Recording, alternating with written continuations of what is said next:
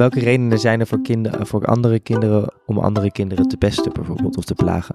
Ik denk dat sommige kinderen het vreemd vinden dat iemand bijvoorbeeld homo is of lesbi. En dat ze dan denken, eeuw, dat is raar. Dat vind ik eigenlijk heel vreemd. Ik ga diegene maar pesten en dan hoop ik dat hij weer normaal wordt. Maar dat weet ik ook niet zeker. Maar ik hoop in ieder geval dat dat niet, niet meer in de toekomst gaat gebeuren. Leuk dat je luistert naar seizoen 2 van Juffen en Meesters op Regenboogles. Mijn naam is Jeroen Horvers, pedagoog en werkzaam bij belangenorganisatie COC. Paarse Vrijdag komt eraan. Dit seizoen spreek ik weer inspirerende en bevlogen gasten over onderwerpen als genderstereotypen, religie en discriminatie.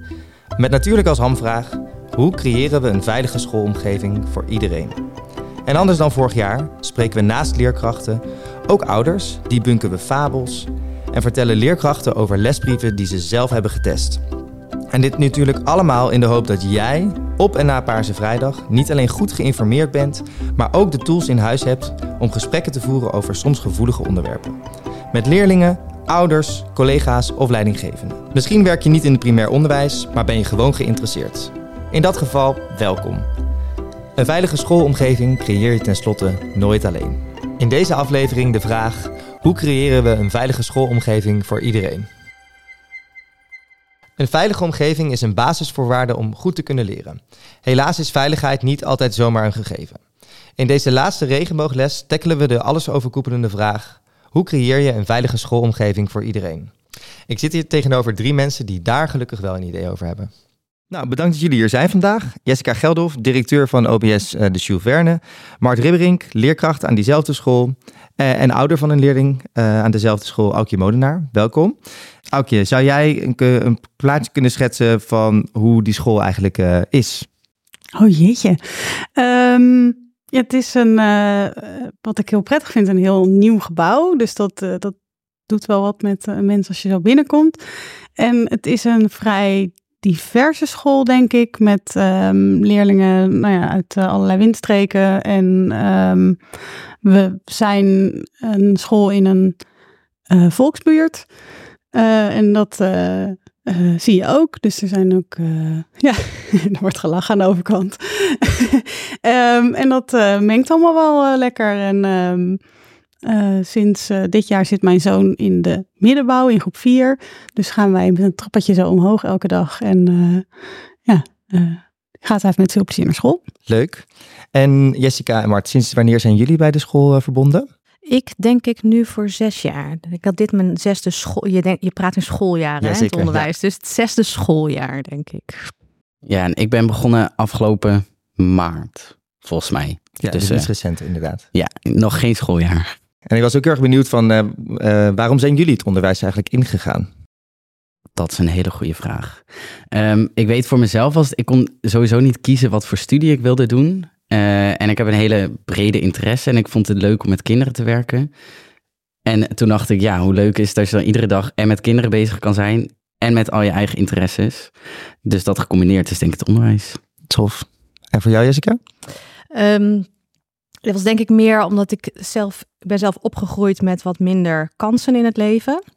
En als je dan iets kan betekenen voor kinderen, iets wil betekenen voor kinderen, dan is uh, het onderwijs denk ik het meest uh, voelbare, de voelbare, meest voelbare plek waar je dat kan doen. Dus uh, zo kwam ik in het onderwijs terecht. Tof.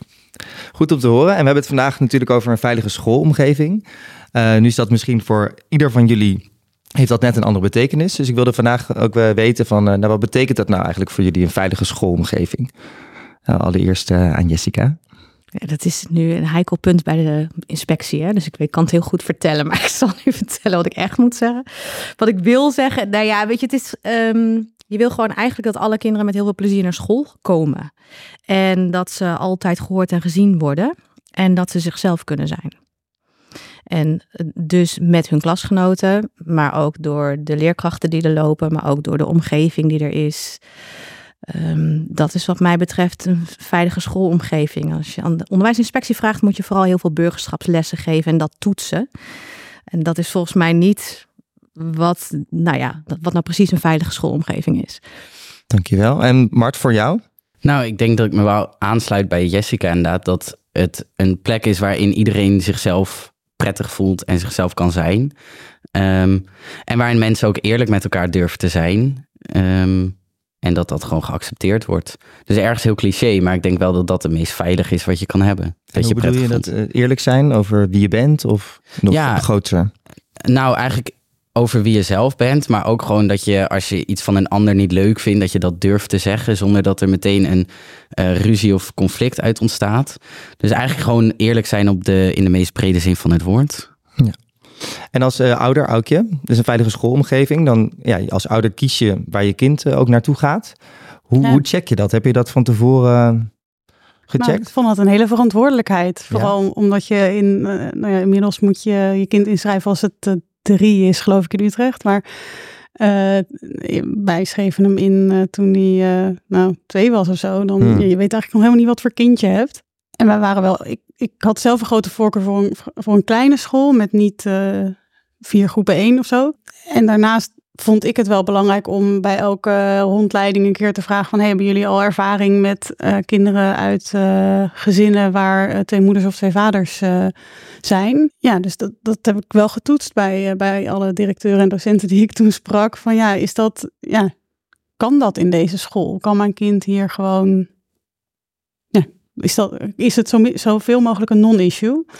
Ehm, ja, en dan, en dan maar hopen dat het in de praktijk ook zo wordt. Want ja, het is maar net ook in welke klas een kind, een kind terechtkomt, denk ik, eh, hoe dat eh, vervolgens gaat. Ja, want hoe de reacties van al die scholen waren van het is inderdaad een non-issue. Nou, opvallend genoeg, we zitten dus nou niet in het centrum van Utrecht, maar wel er echt dicht tegenaan. Ehm, en op de drie scholen waar we zijn wezen kijken, hadden ze nog geen ervaring met zulke gezinnen. En dan denk ik wel, huh, zitten in een grote stad. Eh, ik ken allerlei gezinnen waar, dit, eh, waar twee moeders, twee vaders of, of een, eh, meer van, van dien zijn. Waar gaan die dan heen? Hoe kan het dat, dat zo'n school in de stad dat daar geen ervaring mee heeft? Maar had je bijvoorbeeld vooronderzoek gedaan en uitgevraagd bij andere regenbooggezinnen van hey, nou dat is een, goede tip om bij, naar die school te gaan. Hoe, hoe doe je dat? Ja, ik had er wel over gehad van hoe hebben jullie keuzes gemaakt? Toch wel veel mensen die ook in wat rijkere, wittere buurten wonen al dan, eh, dan, dan ik. Ehm, maar er zijn ook wel veel mensen die, die flink gaan fietsen ehm, om bij een school te komen waarvan ze zeker weten, hier is mijn kind niet het enige kind uit een regenbooggezin. En dat vond ik wel ver gaan. Ja. Ehm, vind, ja, ik vind het mooi dat mijn kind in de buurt op school kan gaan en dat zijn vriendjes in de buurt wonen. En dat hij gewoon leert hoe, hoe onze wereld eruit ziet in plaats van eh, ja, ook, al, ja, ook zo van die, van die knullige dingen. Dat je denkt, ja, als ik jou naar een school ga doen waar allemaal eh, advocatenouders zitten en die gaan allemaal twee keer skiën per jaar. Ja, dat, wordt, dat is ook niet fijn voor een kind. Dus ik vind, eh, ja, vond het belangrijk om in de buurt op school te gaan. En nou ja, dat, Jessica heeft mij eh, genoeg, vertrouwen gegeven dat dat zou kunnen bij ons. Ja, mooi. Ja, en Jessica, inderdaad, want hoe zorg je er dan dus voor, voor dat nou, iedereen dus welkom is? Net zoals eh, een regenbooggezin bij jullie op school. Nou ja, door er eigenlijk zoveel mogelijk geen issue van te maken. Het is gewoon gewoon. Net zoals dat de rest gewoon is. En dat zo eh, bespreken we dat ook met de kinderen. En dan weet je nog steeds niet wat er thuis besproken wordt. Hè? Maar ehm, kinderen zijn ook heel goed in het scheiden van de schoolsituatie en de thuissituatie. Dus die weten ook heel goed, oké, thuis wordt hier anders over gedacht, maar op school is dit de norm. Dus dan eh, pas ik me daar maar op aan. Dat merken we heel erg. En in de bovenbouw wordt dat ingewikkelder. Want dan ja, gaan ze natuurlijk ook YouTube op en hebben ze wat meer invloeden die hun mening vormen. Maar ehm, ja, het is, nou ja, ik, weet natuurlijk niet hoe jij het ervaart, maar ik krijg het in ieder geval nooit terug van kinderen dat, het, dat er iets geks is of dat het anders is of eh, het is. Ja, en je zegt ook heel mooi van, hè, de, dus de norm die je uitstraalt. Maar die, de norm, dat doe je natuurlijk samen. Is dat ook de visie die je eh, als school dan ook vormt?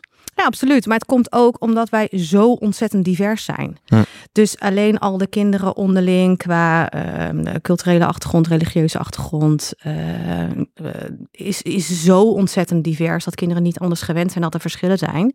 En wij in onze school dus ook niet anders gewend zijn dat er verschillen zijn. Ja, precies. En eh, heel mooi, je zegt het, de, de diverse leerlingenpopulatie. Je ziet ook soms ook wel eens terug dat dan juist het eh, leerkrachtenbestand wat minder divers, divers, is. hè, Hoe zit dat bij jullie? Ja, denk het wel. Ja? Eh, ja, ik vind het echt lastig om te zeggen of we echt zo divers zijn. Nou, niet, ja, eigenlijk wel. Met, eh, we hebben ook een mooie verdeling van man en vrouwen. Daar begint het al, denk ik. En natuurlijk seksuele geaardheden, daar wordt geen issue van gemaakt. Dus dat, eh, ja, ik weet eigenlijk niet eens zeker of we daar heel divers in zijn. Juist omdat er geen aandacht aan wordt besteed. Ik weet, weet jij Maar die, die zijn er wel. Ik bedoel, meer van, die zijn er van alle soorten en maten. En net zoals dat de culturele achtergrond of de religieuze achtergrond er ook allemaal bij onze teamleden verschillend is. En eigenlijk zoeken we dat bewust. Want als je die diversiteit in je school hebt en je wil die populatie in je school begrijpen, heb je nodig dat je kritisch bevraagd wordt door de mensen in je team. Ja, precies. Dus eh, ja, we, we doen wel ons best. Dat lukt niet altijd natuurlijk, maar we doen wel ons best om die diversiteit heel hoog te houden. Ja, precies. En want Mart, jij bent zelf eh, transleerkracht. Heb jij ook gekeken van oké, eh, bij deze school wil ik wel even checken van hoe het hier, hoe het hier staat met de acceptatie van bijvoorbeeld LBTI plus personen? Ehm, nou, in eerste instantie toen ik op zoek was naar een baan in het onderwijs, eh, keek ik gewoon naar de, de vacature natuurlijk en wat voor school het is. Ehm, en was de, vooral de vacature tekst gewoon dat ik dacht, oh, dit is echt een leuke, gezellige kleine school. Dus dan ben ik er niet zo bewust mee bezig. Maar in het nou ja, gesprek zelf dan, dan vraag ik wel of het geaccepteerd wordt of hoe er eh, naar gekeken wordt. En ja, dit was echt mijn eerste echte sollicitatie eh, voor een school. Maar ook bij stageschool heb ik dat wel altijd gedaan. En ik weet eigenlijk niet wat ik, hoe ik zou reageren als er dan gezegd wordt... eh, ja, dat accepteren we niet. Want dat heb ik nog niet gehad. Maar het is toch een check. Nou, en ik vind het ook wel be- belangrijk dat mensen inderdaad ook weten van dat LBTI plus personen dit soort dingen eh, checken bij, bij hun werkgever. Ik denk niet dat iedereen dit zich altijd eh, beseft. Dus dat is wel een, een belangrijke, denk ik, om, om mee te nemen. En, en naar, de, naar de leerlingen toe. Vertel jij over dat je, dat je trans bent? Bijvoorbeeld? Ehm, nou, op zich, ik ben naar de leerlingen toe wel heel open. Ik heb ze niet verteld eh, dat ik trans ben, omdat... Ja, ik, ik heb wel verteld dat ik een vriend heb. eh, en daar vragen ze ook dingen over. En daar ben ik heel open over. Er komen ook Mhm. hele leuke vragen uit. Ehm, en het stukje van het trans zijn heb ik eigenlijk bewust ja, niet verteld. Omdat ik ook denk dan dat is iets wat misschien nog moeilijker te begrijpen is. En wat je ook niet per se aan mij ziet. Eh, wat me ook niet per se dagelijks bezighoudt. Als ik 's ochtends wakker word, zie ik wel iedere dag mijn vriend. Dus dat is een groot deel van mijn leven. Maar het is niet iedere dag dat ik denk: oh ja, ik was ooit een vrouw.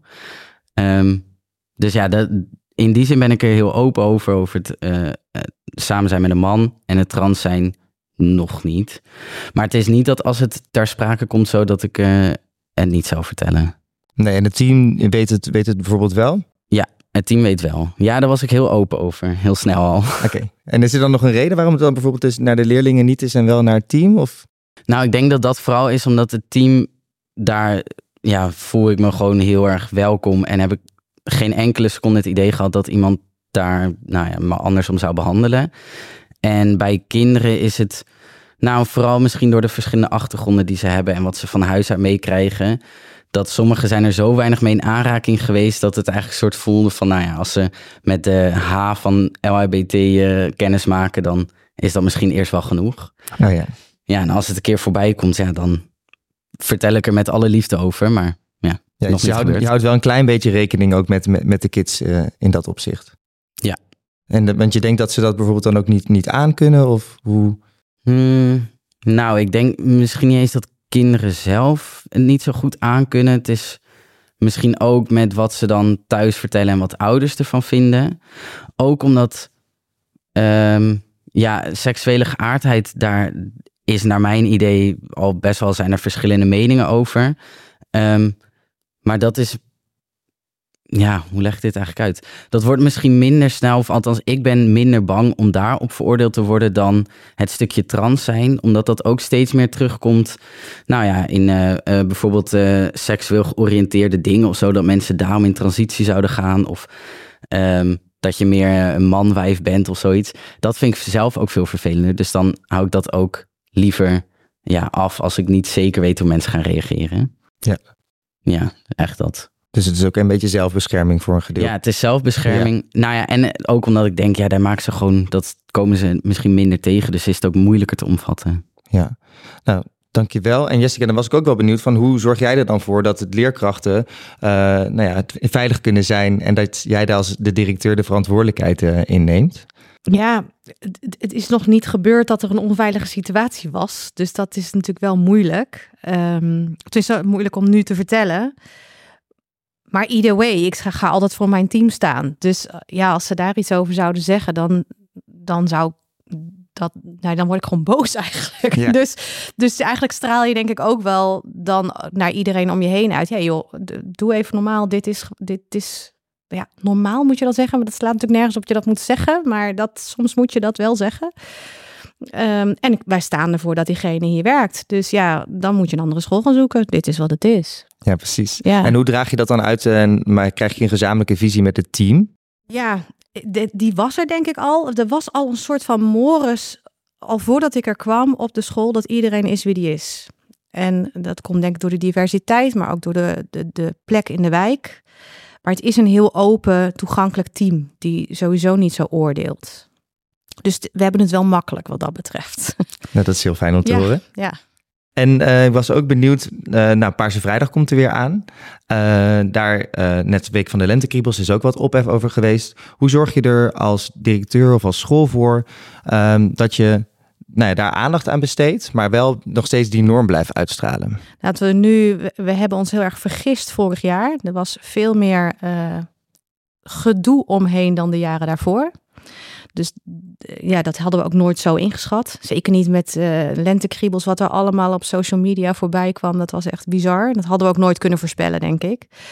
Maar um, ook bij Paarse Vrijdag waren er kinderen die dan niet naar school durfden. Terwijl ze donderdag zeiden, joh, trek allemaal een paarse trui aan, hartstikke leuk. En die gingen naar huis, zeiden ze, we mogen een paarse trui aan. En daar kwam, is waarschijnlijk iets gezegd thuis. En dus kwamen ze met tegenzin naar school, die kinderen uiteindelijk bleek die dag superleuk. Dus het viel ze allemaal reuze mee. Maar wat we nu daarvan geleerd hebben, is dat we nu wel eerst een voorlichting aan ouders geven. Dus um, de week van tevoren, geloof ik, in de ochtend hebben we nu een bijeenkomst georganiseerd voor ouders. Om ze te informeren wat we nou precies doen uh, op Paarse Vrijdag. En dat we niet gaan vertellen dat, je, dat alle kinderen nu. Uh, per direct een andere seksualiteit aan moeten nemen. Dat, dat, dat soort waanideeën heersen her. Hè? Terwijl wij willen alleen maar vertellen, dit is er en dit is er. Ja, en je, je, zegt, je noemt het een, een, een, vergissing. Is dat omdat je er misschien te makkelijk over had gedacht van nou, dat, dat loopt, loopt wel los? Ja, maar het is altijd losgelopen. Dus ah ja, we doen dat is al, nieuw, eigenlijk al ook. jaren lentekriebels bijvoorbeeld. Zonder enig probleem. Het is, het was echt anders vorig jaar. En zie je dat er ook terug op andere vlakken dan alleen maar op seksualiteit en gender? Ja, je ziet het in de hele maatschappij. Dus uh, ja, er is meer argwaan naar nou ja, de, de, gevestigde orde, maar dat zie je natuurlijk ook naar de politiek. Uh, en wij werken wel in een wijk waar uh, minder vertrouwen is naar de overheid, bijvoorbeeld. De belastingtoeslagen, schandaal is daar een goed voorbeeld van. Ja, de, daar wonen echt wel mensen in onze wijk die daar eventueel mee uh, in aanraking zijn gekomen. Dus er is wat minder vertrouwen, denk ik. Ja, precies. En dan vind je dus ook dat je als school de verantwoordelijkheid moet nemen om dus de ouders in ieder geval te informeren en mee te nemen in wat er op school gebeurt. Ja, absoluut. Maar niet, niet te doen. Dus we gaan het net zo doen als dat we het deden. Maar we gaan dan wel, oké, okay, blijkbaar heerst er dus heel veel onduidelijkheid. Nou, dan gaan we proberen dat weg te nemen. Dan zal je zien dat niet al die ouders op die bijeenkomst komen. Maar dan houdt het ook op. Dan is mijn boodschap ook, ja, kan je het dan kunnen uitleggen. Ja. Ja, precies. En ook, je bent dan ook wel benieuwd als je dan hoort van, nou ja, er zijn misschien kinderen die worden uh, ziek gemeld op Paarse Vrijdag. Het gaat natuurlijk ook over, over jou. Hoe, hoe is dat voor jou om ouder dan, dan mee te krijgen? Ja, ik vind dat wel lastig. En, en ja, je gedachten gaan dan toch vooral uh, naar, uh, naar je kinderen. Ja. Want ja, die zitten, die zitten in die klas. Um, ja, en ik weet ja, als ouder ken je ook lang niet alle kinderen uit de klas van je kinderen. Ook omdat er bij ons op school worden, worden klassen gemengd. Dus uh, er zit nu weer een hele. Uh, ja, je zit nu in een groep 4, 5. Ja, die kinderen die vorig jaar in groep 5, die vorig jaar in groep 4 zaten en nu in groep 5, die ken ik helemaal niet. En dan heb, nou ja, ben in de gelukkige omstandigheid dat hij best wel wat vriendjes en vriendinnetjes heeft. Dus dat, dat dat ook veilig voelt. Dat je denkt, oh ja, ja, weet je, al zijn er een paar kinderen die, die er iets vervelends over denken. Ehm, hij heeft wel gewoon zijn groepie om zich heen en die zullen ook voor hem opkomen. Ehm, en ik was vorig jaar met talentkriebels was het natuurlijk heel veel in het nieuws. eh, dat daar allerlei ouders eh, eh, zich tegen hadden gekeerd. En toen was ik wel heel blij dat er dan een week later of zo kwam er een nieuwsbrief met een stukje van school van, nou ja, we hebben ook eh, de, dat, dat, dat dat werd erkend van we hebben de, de, de commotie eh, ook gezien en volgend jaar zullen we, nou, wat Jessica net zei, zullen we ook een eh, bijeenkomst voor ouders organiseren. Maar we blijven het wel doen. En nou ja, dat, dat vind ik dan wel heel fijn dat de school zich zo uitspreekt ehm, over zo'n, ja, voor mij waardevol project. Ja, dus dat geeft dan het vertrouwen dat de school inderdaad de nek uitsteekt. Nog steeds zegt van oké, dit is inderdaad de visie van de school.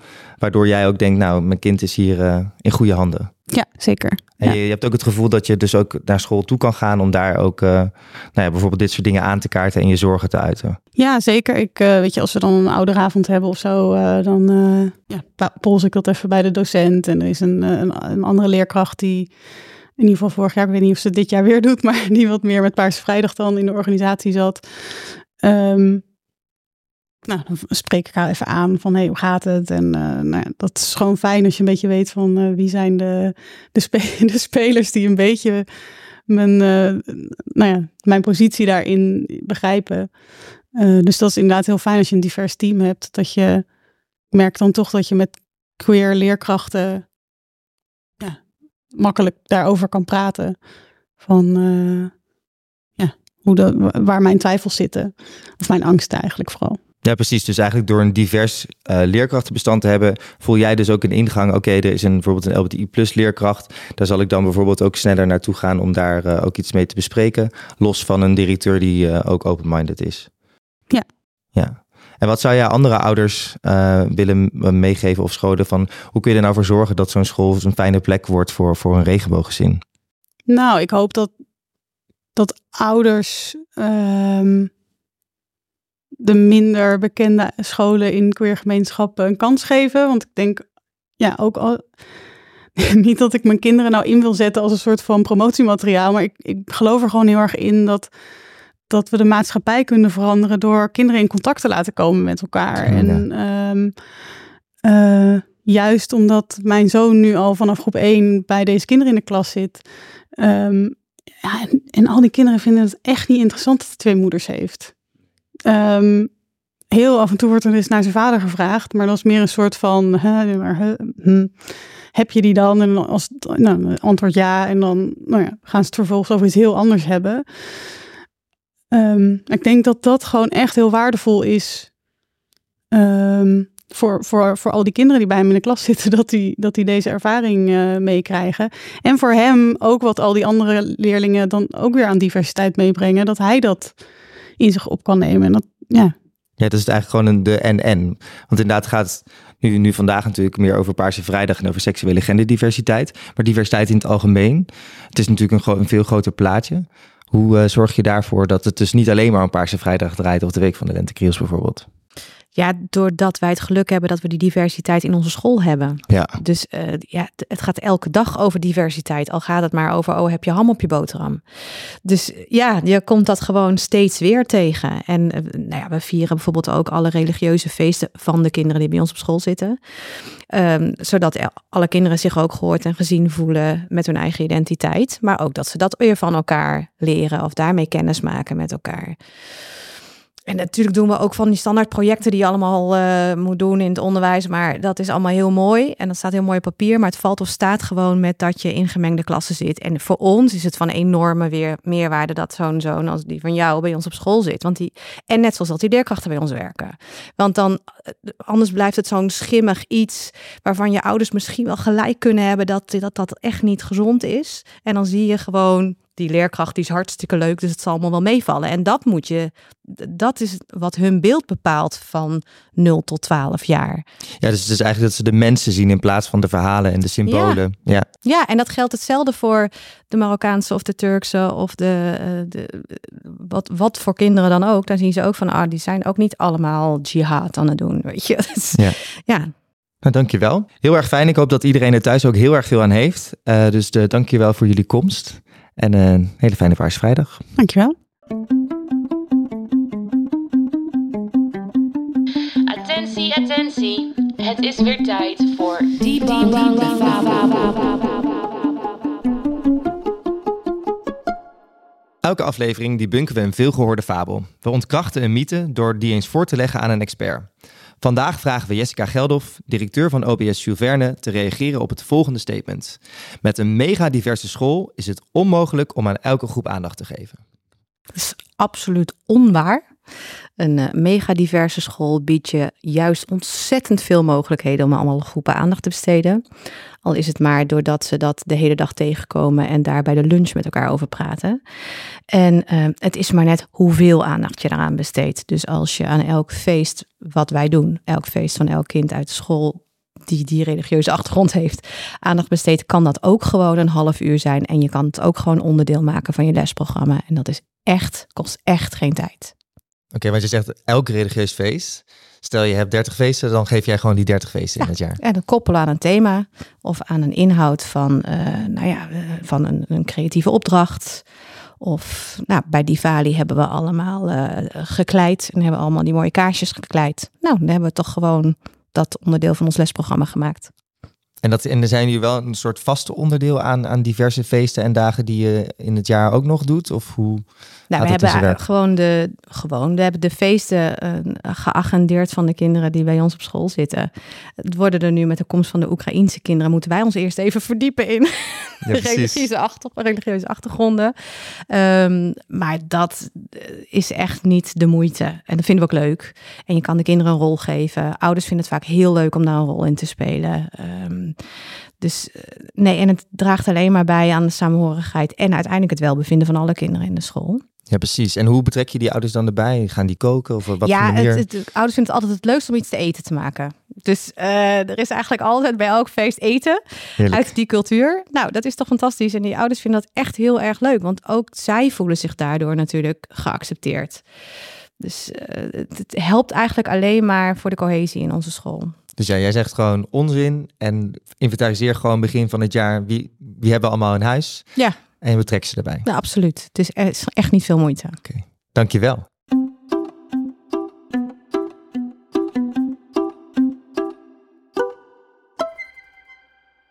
Iedere aflevering hebben we een leerkracht in de podcast die een Paarse Vrijdag lesbrief heeft getest. Vandaag Pascal. Welkom Pascal. Hoi Jeroen. Kun je iets over jezelf vertellen? Welke school en welke groep je, je les geeft? Uh, nou, ik ben Pascal. Ik uh, werk uh, dit jaar volgens mij 25 jaar in het onderwijs. Oh, wow. ik werk op een Montessori school, Montessori school de Amstel. daar werk ik nu voor het negende jaar, volgens mij, achtste jaar, negende jaar. ik heb daar een onderbouwgroep. Um, en we doen al sinds uh, 2017 ook aan Paarse Vrijdag. Dat vond ik wel leuk uh, om te vermelden. Zelfs voordat COC ermee begon. Ja, uh, ja misschien wel, ja. ja. ja. En 25 jaar geleden, waarom ben jij het basisonderwijs ingegaan? Oh, dat was destijds, was ik heel jong en dacht ik, ik vind tekenen leuk, ik vind aardrijkskunde leuk, ik vind van alles leuk. En ja, volgens mij moet je dan gewoon het onderwijs in om van alles wat te, te, te leren en uh, door te geven, zeg maar. Ja, en 25 jaar zit je er al, dus blijkbaar bevalt het. Ja, ja? zeker. Ja, ja. En als we kijken naar het onderwerp, familie en uh, seksuele genderdiversiteit, zijn er dan opmerkingen of uh, ja, die kinderen wel eens maken waarvan je denkt, nou dat is zo leuk, zo lief? Um, nou, toevallig um, had ik vandaag met iemand het erover dat, um, van waarom heet het eigenlijk Paarse Vrijdag? En ik was het antwoord daarop zelf ook eerlijk gezegd schuldig. Dat weet ik eerlijk gezegd niet, nou, waarom het nou per se paars is. Uh, maar toen legde een kind uit, ja, want de kleur voor meisjes is roze en die voor jongens is blauw. En als je dat samenvoegt, dan is het paars. Dus sindsdien is dat mijn uh, uitleg van Paarse Vrijdag. Ik denk dat, dat wij die gewoon mooie. over gaan nemen, want ja. die had ik nog niet eerder gehoord. ja, is mooi, heel toch? mooi. Ja. Ja, ja. ja.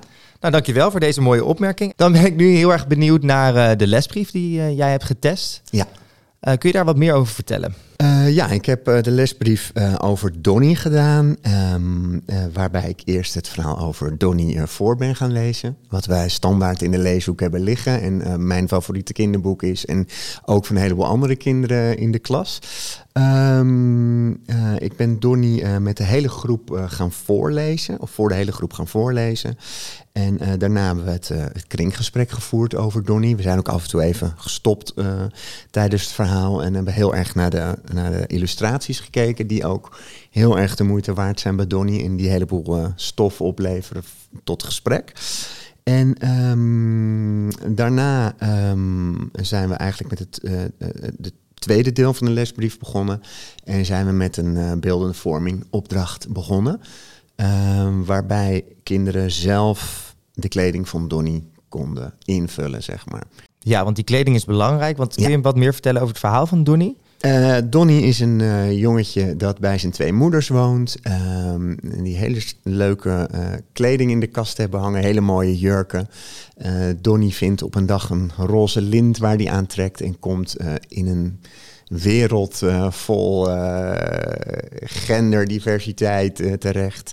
Eh, heel leuk om dat als volwassene ook te zien. Ehm, kinderen reageren daar heel enthousiast op. En ehm, op een gegeven moment komt Donnie Henk tegen. En van Mhm. Henk krijgt hij een. Henk heeft een klein atelier in een boom. En daar wordt voor Donnie een jurk gemaakt eh, die hij heel mooi vindt. Die krijgt hij en ehm, nou ja, hij leeft er nog lang en gelukkig, zeg maar. Eh, dat is in een notendop waar Donnie over gaat. Ja, en jij zegt, kinderen worden er ook heel erg enthousiast van. Ja. Wat zijn dan reacties van kinderen en waar gaan ze op aan? Eh, nu was het heel erg eh, van, ja, een hele mooie basisreactie eigenlijk. Dat het eigenlijk helemaal niet moet uitmaken wat je aandoet, zeg maar. Zonder dat ik daar eigenlijk heel erg op, op, op toestuurde. Ehm, en dat als je iets niet zo mooi vindt, dat vond ik ook. Als je iets niet zo leuk vindt, dan hoef je dat niet per se te zeggen. Want dat doet de ander pijn, zeg maar. Oh, wauw. Dat was een heel mooie uitspraak van een vier, vijfjarige. Ja, je zegt ook, het komt ook uit de kinderen zelf. Ja, Daar heel hoef je, erg. hoef je zelf ook geen moeite voor te doen. Nee, nee. Nee, daar, was dit, daar is dit boek ook echt heel erg geschikt voor. Lees het, kijk uitvoerig naar de plaatjes en een heleboel komt vanzelf dan al eh, ter sprake. Ja, en je zei ook, die kinderen gaan ook aan op de illustraties. Ja, Wat maakt dit zo, eh, zo bijzonder dan, deze illustraties? nou, er is heel erg veel te zien. Heel veel details, een heleboel diertjes, een heleboel eh, kleine grapjes. Ook een heleboel ehm, eh, dingen die je op straat zou zien, skateboarden. Het is heel erg van nu ook, zeg maar. Ja, Heel kleurig ook. ja en het is jouw, jouw favoriete prentenboek, dus jij ging er al helemaal op aan. Ja, Welke vragen zou je allemaal kunnen stellen?